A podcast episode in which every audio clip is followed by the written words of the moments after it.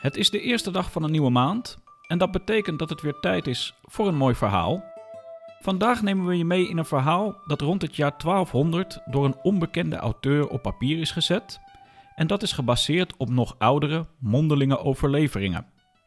We gaan het hebben over een Duits heldenepos, namelijk het Nibelungenlied. Het Nibelungenlied is een verzonnen verhaal dat losjes gebruik maakt van historische figuren en gebeurtenissen uit de tijd waarin het speelt, de middeleeuwen. Het verhaal begint in het Rijk der Bourgonden, dat in Duitsland ligt, even over de grens met Nederland. Het rijk wordt geregeerd door drie koningen, die broers van elkaar zijn en waarvan Gunther de oudste en binnen dit verhaal de belangrijkste is. De drie broers hebben ook nog een zus, de jonge en knappe Kriemhilde. In een ander rijk, eveneens in het Duits-Nederlands grensgebied, groeit tegelijkertijd de jonge Siegfried op. Siegfried is de zoon van koning Sigmund. Hij is dapper en sterk en hij wordt tijdens een groot feest in de ridderstand opgenomen. Siegfried hoort verhalen over de knappe Kriemhilde en hij besluit naar Bourgonde af te reizen om naar haar hand te dingen. Koning Sigmund ziet zijn zoon liever niet vertrekken. Hij vertrouwt koning Gunther en zijn mannen niet. Maar de onverschrokken Siegfried is niet op andere gedachten te brengen. Hij is vol zelfvertrouwen en vertrekt met twaalf krijgers aan zijn zijde naar Bourgonde. Siegfried en zijn mannen verschijnen vervolgens in prachtige gewaden en met schitterende schilden voor koning Gunther, die geen idee heeft wie hij voor zich heeft staan. Wie dat wel weet, is zijn rechterhand, genaamd Hagen. Hagen adviseert koning Gunther om Siegfried goed te ontvangen, omdat hij heeft gehoord dat Siegfried veel wonderbaarlijke daden heeft verricht en hij uitzonderlijk sterk is. Daarop besluit Gunther om Siegfried en zijn mannen welkom te heten. Siegfried wordt dan al snel een trouwe en erg waardevolle bondgenoot van de Bourgonden. Wanneer twee vijandige koningen, uit respectievelijk Saksen en Denemarken, het rijk van de Bourgonden willen aanvallen, is het Siegfried die tegen hen ten strijde trekt en hen in naam van koning Gunther verslaat. Na deze overwinningen besluit koning Gunther dat hij met de koningin van IJsland, genaamd Brunhilde, wil gaan trouwen. Siegfried raadt hem dit af, omdat Brunhilde volgens hem erg vreed en sterk is.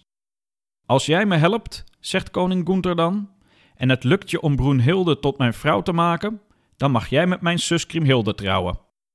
Trouwen met Kriemhilde is nog altijd Siegfrieds grote wens en de belangrijkste reden dat hij nog steeds aan het hof van koning Gunther aanwezig is. Siegfried gaat dus akkoord met het voorstel. Vervolgens reist koning Gunther met zijn gevolg naar IJsland, waar dankzij Siegfried verschillende beproevingen van Brunhilde met succes worden doorstaan. Terug in Bourgonde trouwt koning Gunther dan met de uit IJsland meegereisde koningin Brunhilde. Tegelijkertijd trouwt Siegfried met Kriemhilde. De dubbele bruiloft wordt groots gevierd. De feestelijkheden duren maar liefst veertien dagen en kosten nog moeite worden gespaard. Daarna nemen Siegfried en Kriemhilde hartelijk afscheid van de Bourgonden en vestigen zij zich in het rijk van Siegfrieds vader, koning Sigmund. Er verstrijken verschillende jaren waarin Siegfried de kroon van zijn vader overneemt en waarin Kriemhilde en Siegfried een zoon krijgen.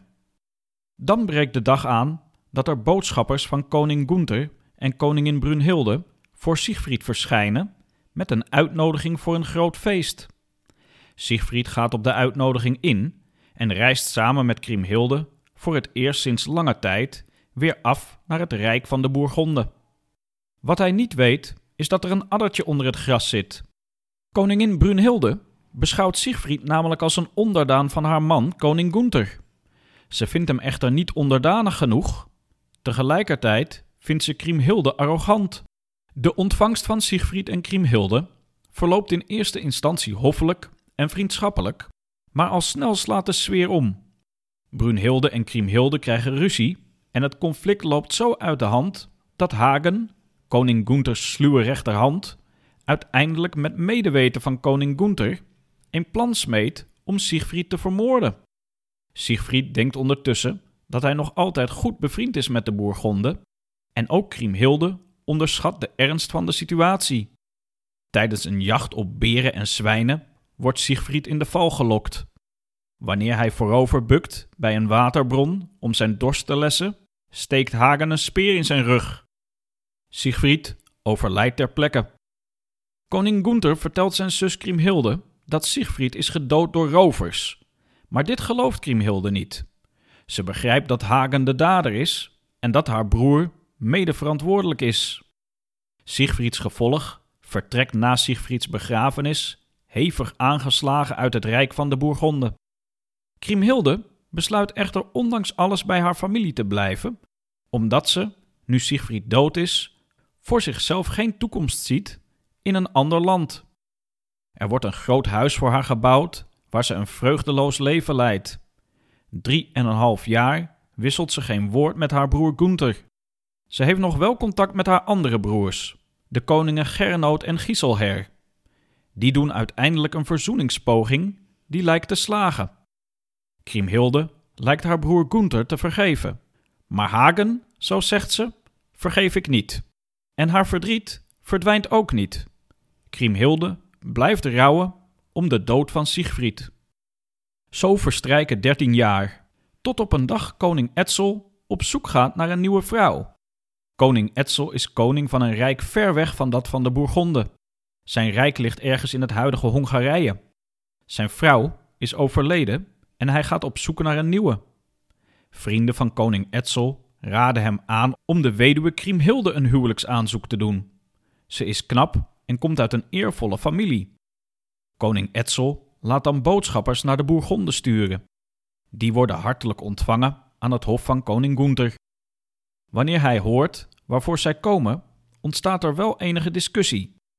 Hagen ziet een huwelijk tussen Kriemhilde en koning Etzel als een groot gevaar, omdat het Kriemhilde in staat kan stellen om de moord op Siegfried te wreken. Koning Gunther en zijn broers kijken hier anders naar. Zij willen Kriemhilde geen verdriet meer aandoen en gaan akkoord met een mogelijk huwelijk. Kriemhilde zelf blijkt in eerste instantie geen enkele interesse te hebben in koning Etzel. Maar wanneer ze zich realiseert hoe rijk en machtig deze vorst is, gaat ze toch op het aanzoek in. Ze reist naar het land van koning Etzel en wordt daar zijn nieuwe vrouw. Vervolgens gebeurt wat Hagen al vreesde. Kriemhilde smeet een plan om wraak te nemen. Zoals eerder Siegfried was uitgenodigd door de Bourgonden, met alle fatale gevolgen van dien, is het ditmaal Kriemhilde die haar broers en Hagen uitnodigt voor een feestelijk bezoek aan het rijk van koning Etzel. Koning Gunther en zijn broers nemen de uitnodiging aan. En ook Hagen gaat mee op reis. Hij vertrouwt de uitnodiging helemaal niet, maar hij wil niet achterblijven. Tijdens de reis raakt hij ervan overtuigd dat niemand van het gezelschap levend terug zal keren. Ook al nemen de Bourgonden flink wat ridders mee. Eenmaal in het rijk van koning Etzel aangekomen, krijgt Hagen gelijk. Koning Etzel is niet van kwade wil, maar een aantal van zijn mannen opent op initiatief van Kriemhilde wel de strijd. Wat volgt is een vreselijk bloedbad waarin vele ridders het leven laten. Uiteindelijk zijn het van de Bourgonden alleen koning Gunther en Hagen die nog leven. Maar wanneer zij gevangen worden genomen, zijn ook hun laatste dagen geteld. Kriemhilde laat haar broer onthoofden en ze onthoofdt vervolgens zelf met Siegfrieds zwaard haar grote vijand Hagen. Kriemhilde wordt daarna meteen zelf gedood door Hildebrand, een van de bondgenoten van koning Etzel, omdat hij, ondanks alles, veel respect had voor de strijder die Hagen was. De overlevenden, waaronder koning Etzel, zijn tot slot diep bedroefd over wat zich onder hun ogen heeft voltrokken. Dat is hoe het verhaal in hoofdlijnen gaat. Nu is de vraag: wat hebben wij hier uitgehaald? De ondertitel zegt het al een beetje, hè?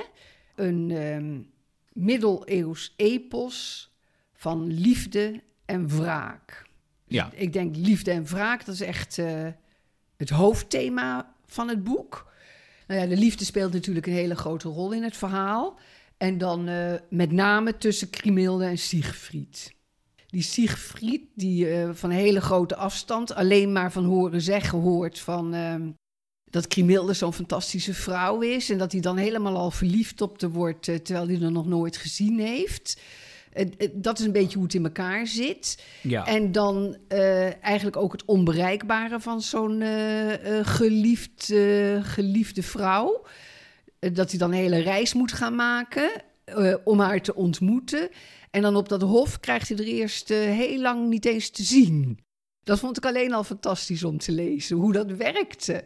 Ja, maar als, als, ik, als ik het zo hoor zeggen, ik bedoel, nu, nu is dat toch ook gewoon wel enorm cliché. Ja, Ik bedoel, dit, Ja. dit is gewoon het verhaal van de prinses in een, in een toren en, en de prins die eraan komt. ja maar het is wel... misschien, misschien was dat toen eh, iets heel bijzonders.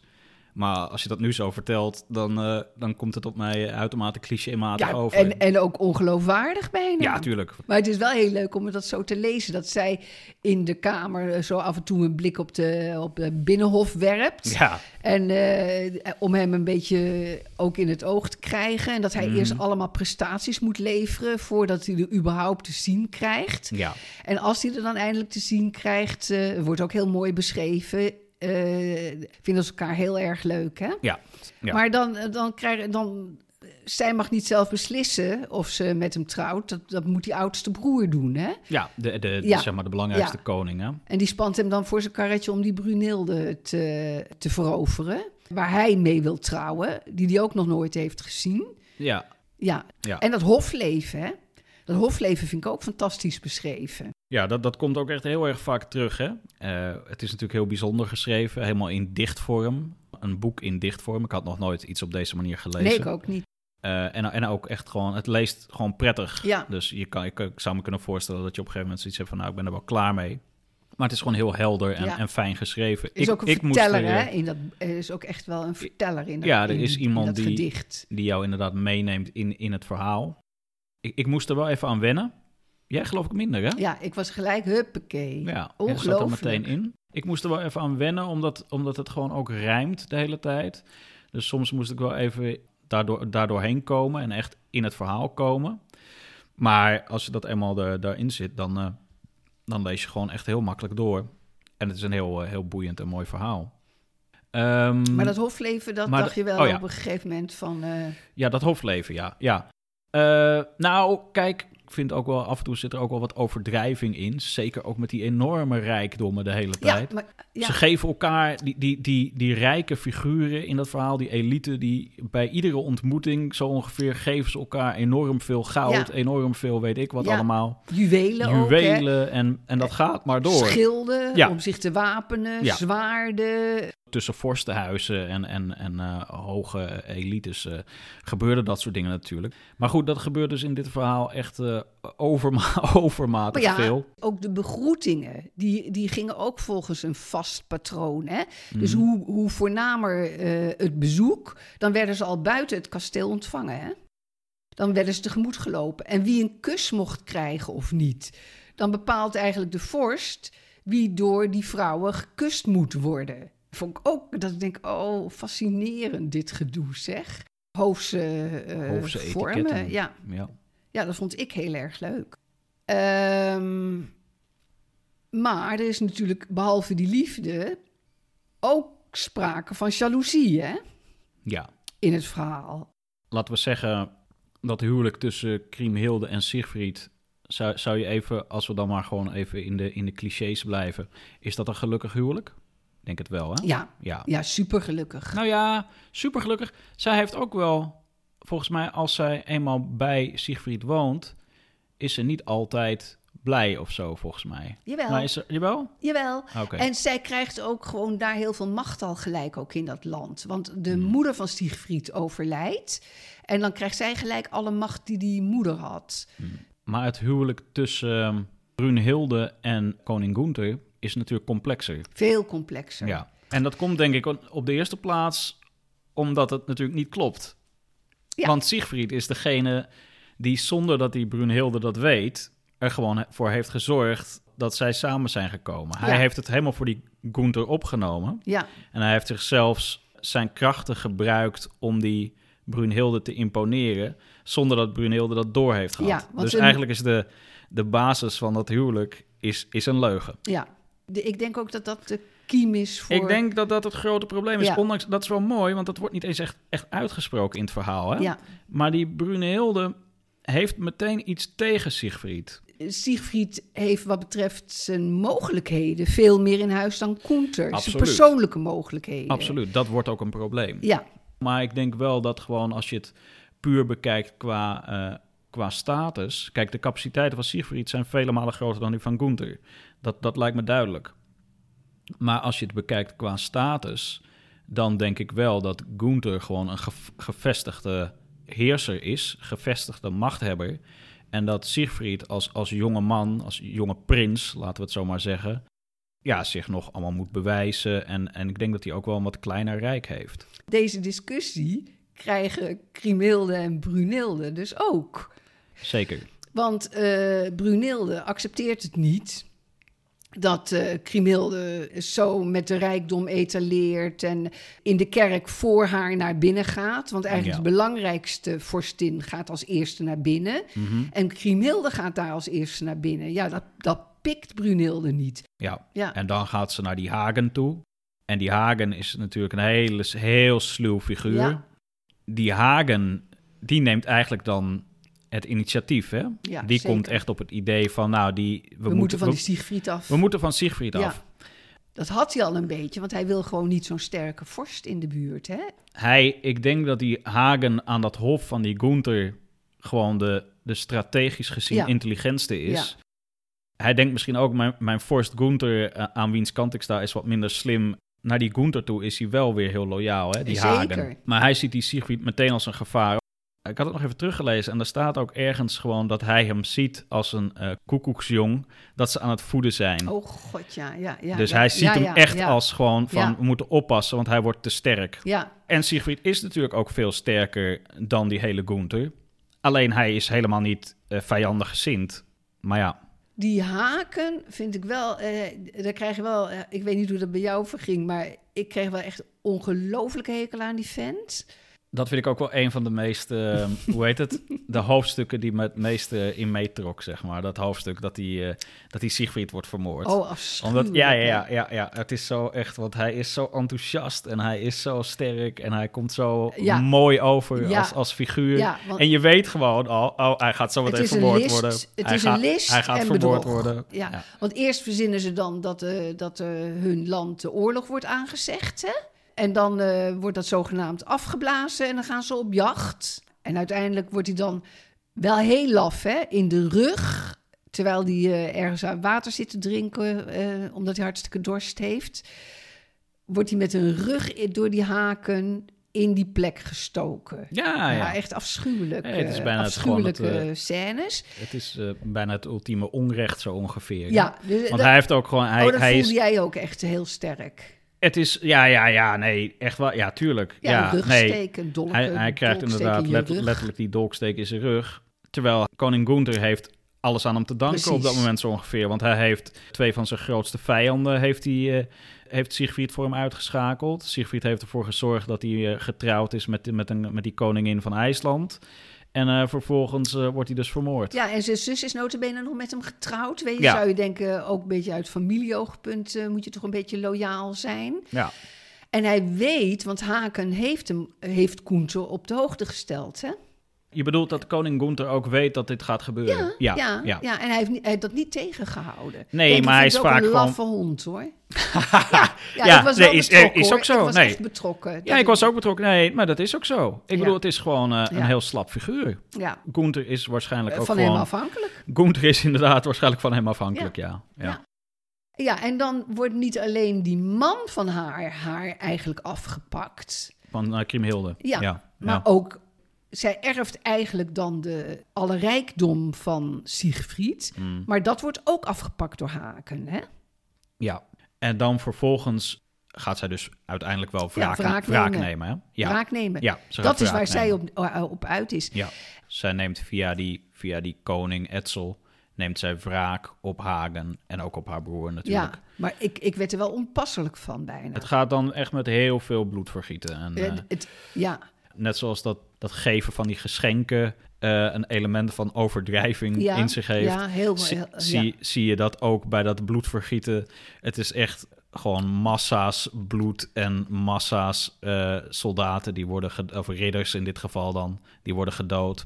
Jeetje, Mina, daar- eh, op een gegeven moment is het ook een zaal vol bloed. Ja, ja, Ja, precies. dat je de, en al- alles druipt ervan Ja, af. ja, en, ja. Maar toen ging ik eens even bij stilstaan. Dan denk ik, ja, als je kijkt naar situaties in de wereld... waarin mensen tegen elkaar tekeer gaan zonder dat daar een rem op zit... dat zijn ook hele onsmakelijke verhalen. Nee, tuurlijk. De realiteit is vaker nog gruwelijker dan je, dan je hem kan verzinnen natuurlijk. Dat is ook alweer waar. Tuurlijk, tuurlijk.